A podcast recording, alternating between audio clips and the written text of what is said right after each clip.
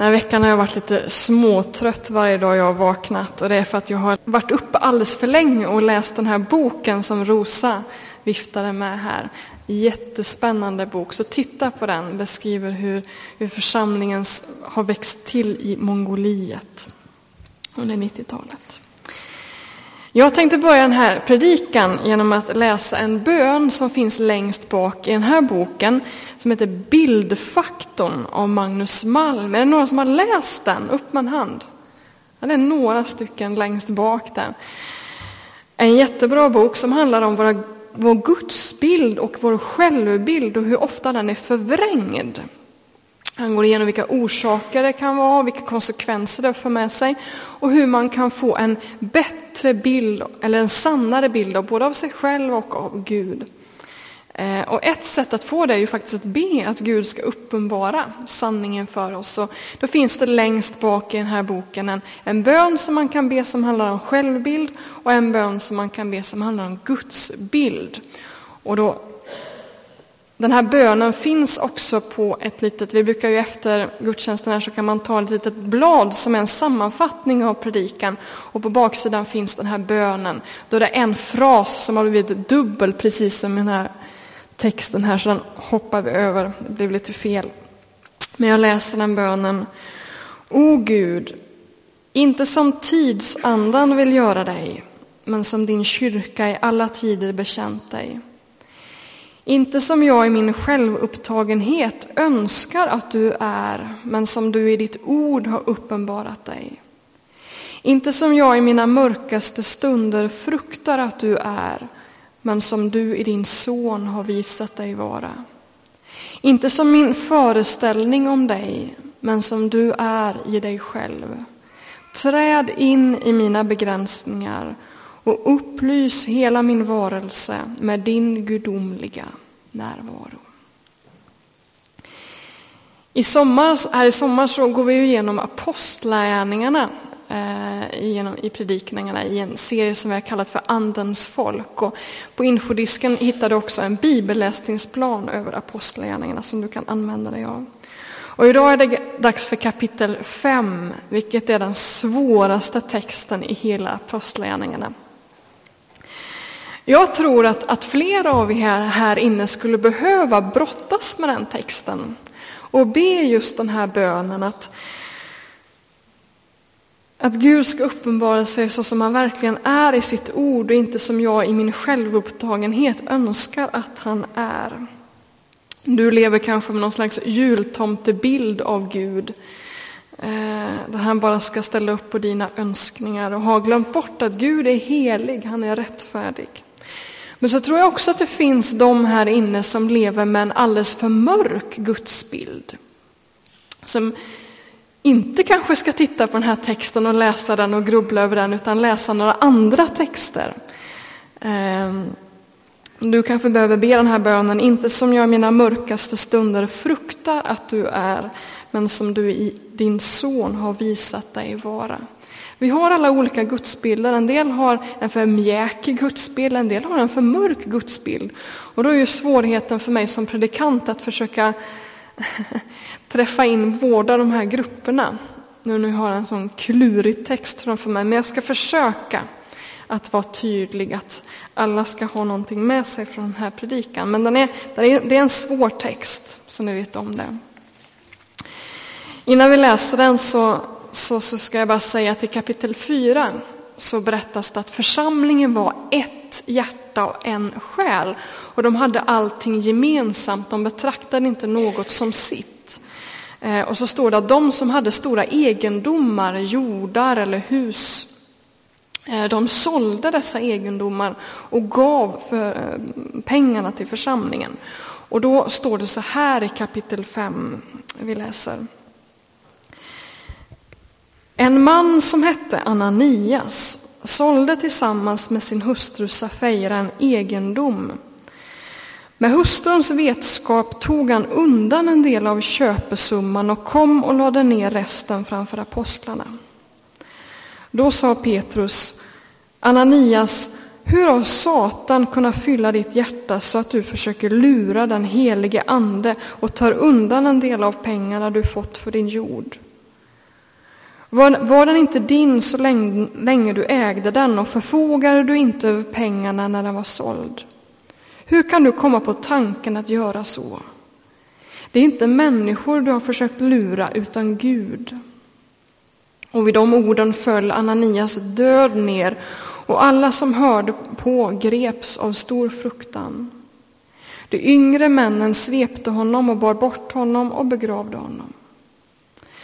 Omkring tre timmar senare kom hans hustru dit utan att veta vad som hade hänt och Petrus vände sig till henne. Säg mig, var det allt ni fick för jorden? Ja, det var allt, svarade hon. Men då sa Petrus, hur kunde ni komma överens om att utmana Herrens ande? Du hör stegen utanför dörren. Det är männen som har begravt din man och nu ska de bära bort dig.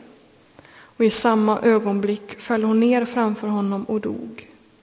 När de unga männen kom in fann de henne död och de bar bort henne och begravde henne bredvid hennes man. Och stor fruktan grep hela församlingen och alla som hörde talas om denna händelse. Och då kan man ju fråga sig, vad är det för kunskap om Gud vi får genom den här texten? Ja, först en liten detalj, det är att Gud är treenig. Eh, Petrus talar både om den heliga ande, om Herrens ande, alltså Jesu ande, och om Gud som om alla de här är lite samma person. Alltså det, han slänger sig med de här olika begreppen och talar ändå om en och samma person, en och samma Gud. Och vi förstår att Guds ande är inte bara en kraft eller en vind, utan faktiskt också en person som kan bli lurad. Det är vad Petrus säger till Ananias och till Safira och det är det som är deras synd. Att de luras, inte att de inte har gett alla pengarna till församlingen. Det är inte det som är problemet, utan problemet är att de säger att de har gett alla pengarna till församlingen. De ljuger. Eh, Petrus sa ju, Ananias, hur har Satan kunnat fylla ditt hjärta så att du försökte lura den helige Ande? Var, alltså, var den inte din så länge du ägde den och förfogade du inte över pengarna när den var såld? Hur kunde du komma på tanken att göra så? Det är inte människor du försökt lura utan Gud. Alltså, åken var ju din, jorden var ju din, pengarna var dina, du fick göra som du ville. Men då har du valt att säga att du skulle ge allt till Gud och så behåller du en liten summa själv. Och så faller Ananias död ner och detsamma händer med Safeira och där blir det tydligare att det handlar om en lögn. Petrus frågar henne uttryckligen, vad är det här alla pengarna? Och hon svarar ja. Och det är ju det här som vi tycker är så svårt när vi läser den här texten. Hur går det här ihop med vår bild av Gud som nådefull, förlåtande och kärleksfull? Hur går det ihop med den här gudsbilden, det som händer i den här texten? Och det här är ju inte första gången det här händer. Låt oss gå till Gamla Testamentet, till tredje Mosebok. Eh, där kan man ändå läsa om en händelse som hände under Israels vandring i öknen innan de slog sig ner i Palestina. Och det står om Arons söner, om prästen Arons söner som bar fram otillåten eld inför Guds ansikte. Det vill säga, eh, de följde inte de instruktioner som man hade fått för hur man skulle fira gudstjänst i helgedomen. Det står så här. Arons söner Nadav och Avihu tog varsitt fyrfat, lade i glöd och strödde rökelse ovanpå och bar fram otillåten eld inför Herren, annan eld än han befallt. Och då gick det ut eld från Herren och förtärde dem så att de dog inför Herren. Mose sa till Aron, det var om detta Herren sa, jag visar min helighet bland dem som är mig nära. Inför allt folket uppenbarar jag min härlighet. Aron teg.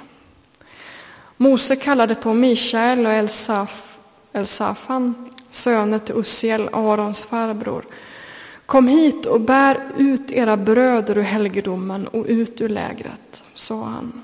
Då kom de fram och bar dem i deras tunikor utanför lägret, så som Mose hade befallt.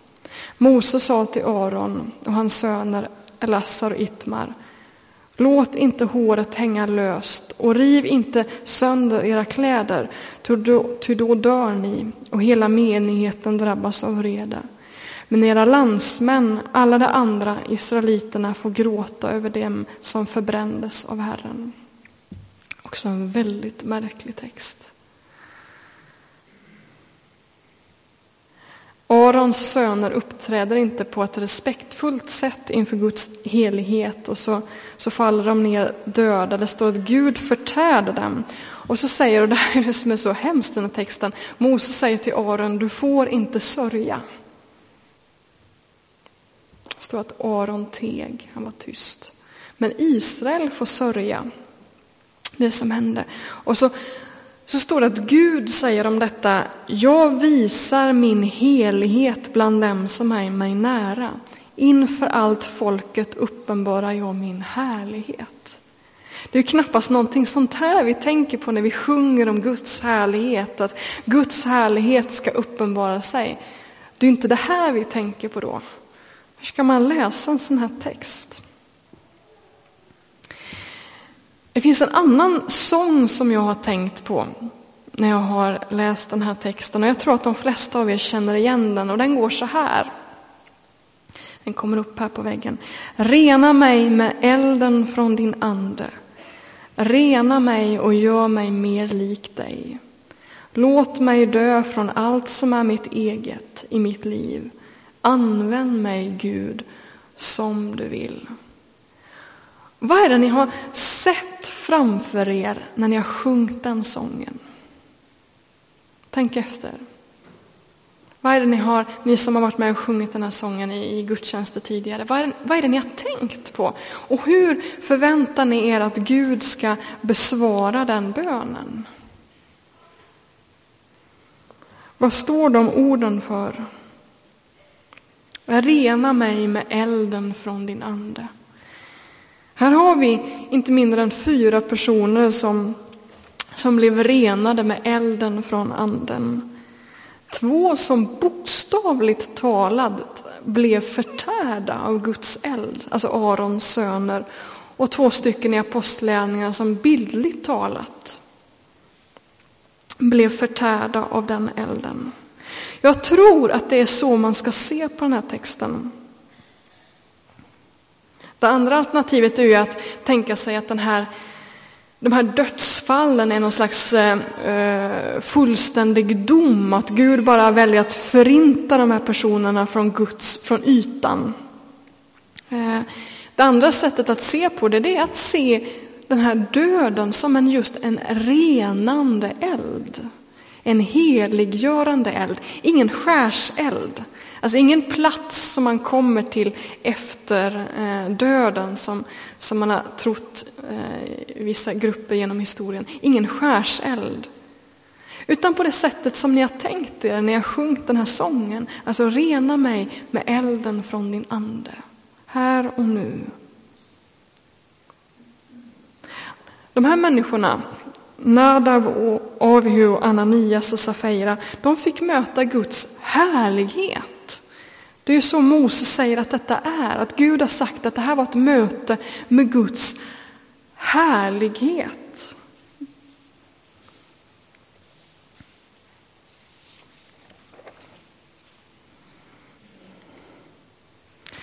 Det finns en skillnad som kan vara viktig att notera mellan tredje Mosebok och apostlärningarna. Även om jag inte vet hur mycket man kan göra av det. Men men det står att i tredje Mosebok, när de här männen faller ner döda, så, så, så är det några som går in i helgedomen och bär ut dem och lägger dem ute i öknen. De begraver dem inte, utan de låter dem ruttna där ute i öknen utanför lägret. Men när det står om Ananias och Safira, då står det att man bar ut dem och begravde dem. Man begravde dem och vi får anta att det faktiskt var en kristen begravning. Alltså att man tog kropparna, lade dem i jorden och överlämnade dem till Guds barmhärtighet. Alltså till, till, till den Gud som är förlåtande, som är nåd, som kan låta de döda uppstå. Ananias och Safira fick en begravning.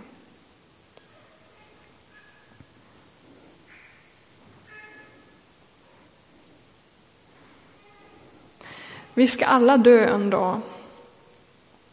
Vi ska alla dö en dag. Och vi pastorer här i Ryttargårdskyrkan är gärna med och begraver dig om dina släktingar önskar det. Jag blev påminn om det för några månader sedan, att, att vad viktigt det är att faktiskt ta ett testamente där det står hur, hur jag vill ha min begravning.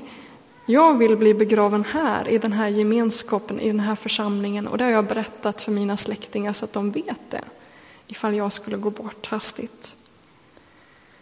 Alla ska vi dö en dag. Det är extremt ovanligt att man dör på det här sättet som vi läste om i tredje Mosebok eller i Apostlagärningarna. Men alla ska vi dö en dag. Och vad är det som säger att, att när man dör av cancer, då kommer man till himlen. När man, när man dör på det sättet som Ananias och Safira dör, då kommer man till helvetet. Det är ju så vi tänker när vi läser den här texten och det är därför vi tycker att den är så svår. Men vad är det som säger att man kommer till himlen när man dör av cancer och att man kommer till helvetet när man dör på det här sättet? Alltså vi alla är ju syndare, det är ju en del av evangeliet. Alla är syndare och syndens konsekvens är döden. Döden är inte skapad av Gud, det är en Guds fiende. Det är en del av ondskan, det är en del av synden och vi bär alla på, på den konsekvensen. Vi ska alla dö en dag. Sen på vilket sätt vi dör, det, det är olika. Men Jesus har besegrat den döden. Och som vi läste förut i presentationen, alltså Jesus säger jag är uppståndelsen och livet i Johannes evangeliet. Jag är uppståndelsen och livet. Den som tror på mig ska leva om han än dör. Alltså vi får ju tro att detta gällde Ananias och Safira också. De var en del av en kristen församling som trodde på Jesus och som levde ut den tron. Men synden fanns i deras hjärtan och när de försökte göra en from handling, det vill säga vara frikostiga med det de ägde, så begick de en lögn. En synd, och vi syndar ju också. Ananias och Safiras brott är inte större än alla de synder som vi gör dagligen. Och då tror jag vi får gå tillbaka till den här sången igen som vi, som vi ibland sjunger.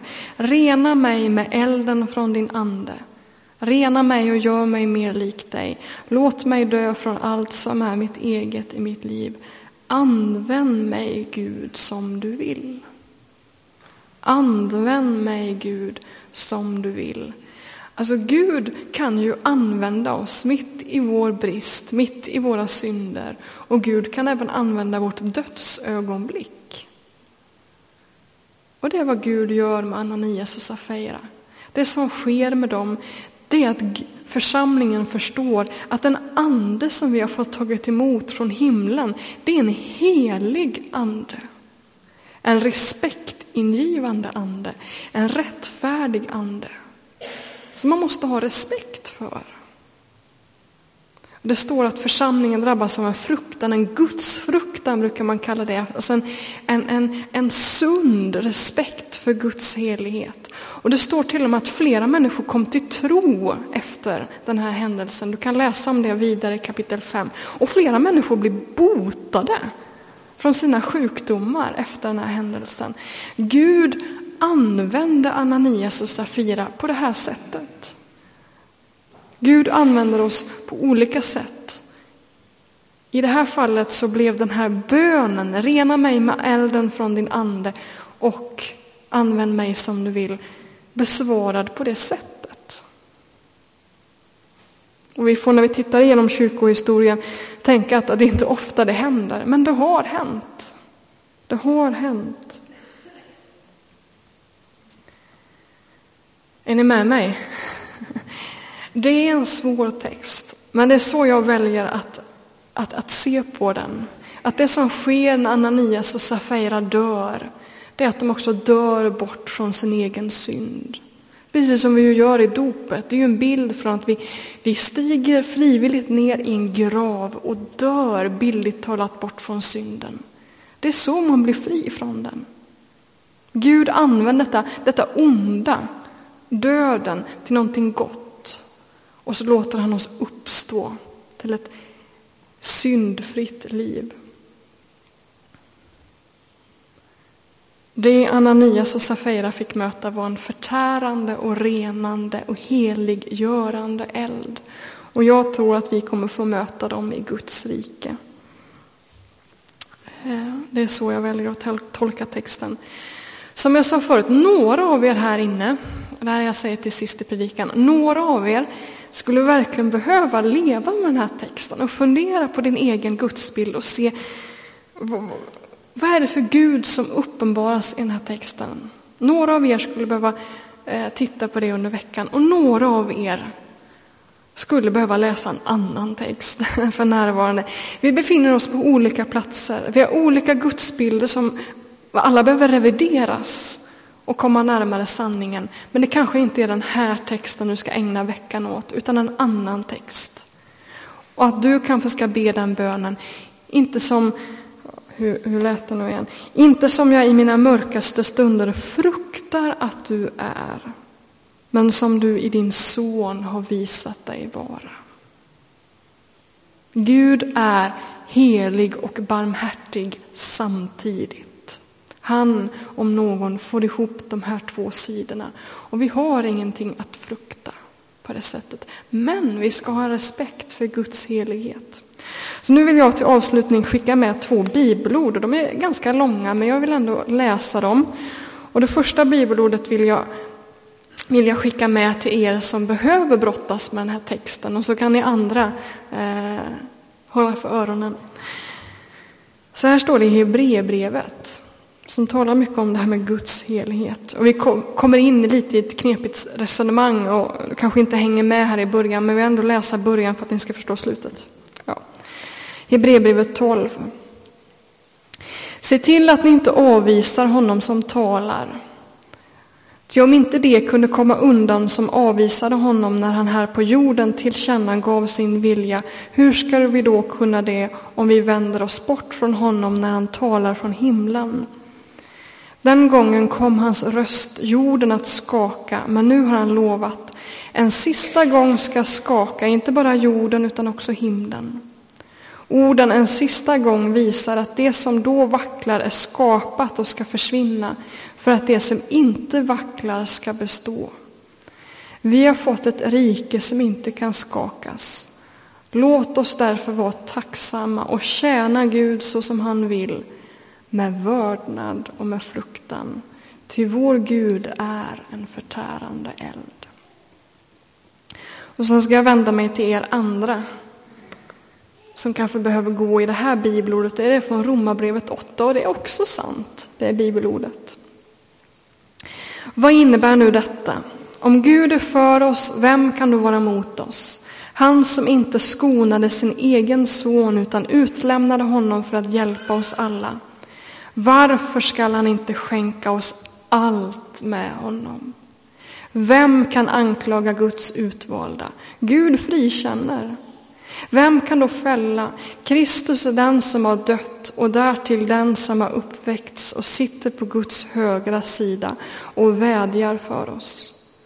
Vem kan då skilja oss från Kristi kärlek? Nöd är ångest, förföljelse eller svält, nakenhet, fara eller svärd. Det står ju skrivet, för din skull lider vi dödens kval dagen lång, vi har räknats som slaktfår. Nej, över allt detta triumferar vi genom honom som har visat oss sin kärlek. Ty jag är viss om att varken död eller liv, varken änglar eller andemakter, varken något som finns eller något som kommer, varken krafter i höjden eller krafter i djupet eller något annat i skapelsen ska kunna skilja oss från Guds kärlek i Kristus Jesus, vår Herre. Båda de här bibelorden är sanna. Gud är en förtärande eld, en helig Gud. Men den guden har också besegrat döden och använder döden för sina egna syften för att ge oss liv. Gud är en heliggörande eld och ingenting kan skilja oss från Kristi kärlek om vi vill ta emot den. Så låt oss bli stilla en bön och ska vi sjunga en sång innan vi går in i vårt nattvardsfirande där vi får ta emot den kärleken. Sitt inte kvar i bänken utan ta emot den nåden. Låt oss be. Fader i himlen, vi tackar dig för att du är barmhärtig med våra synder. Men vi tackar dig också för att du fostrar oss till ett heligt liv. Du är den heliggörande guden. Och vi har fått del av din heliga Ande här idag. Och du fostrar oss.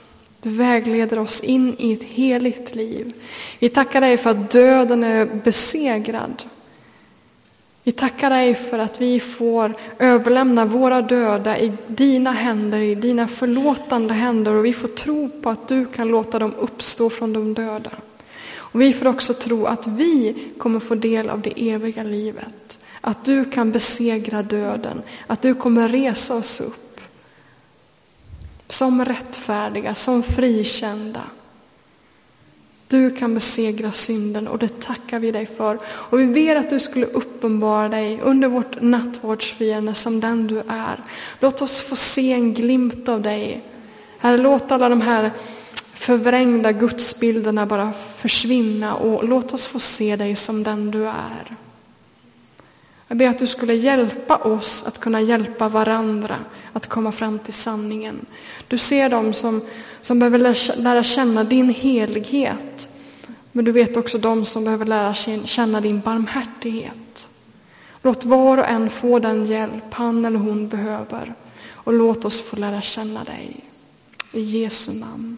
Amen.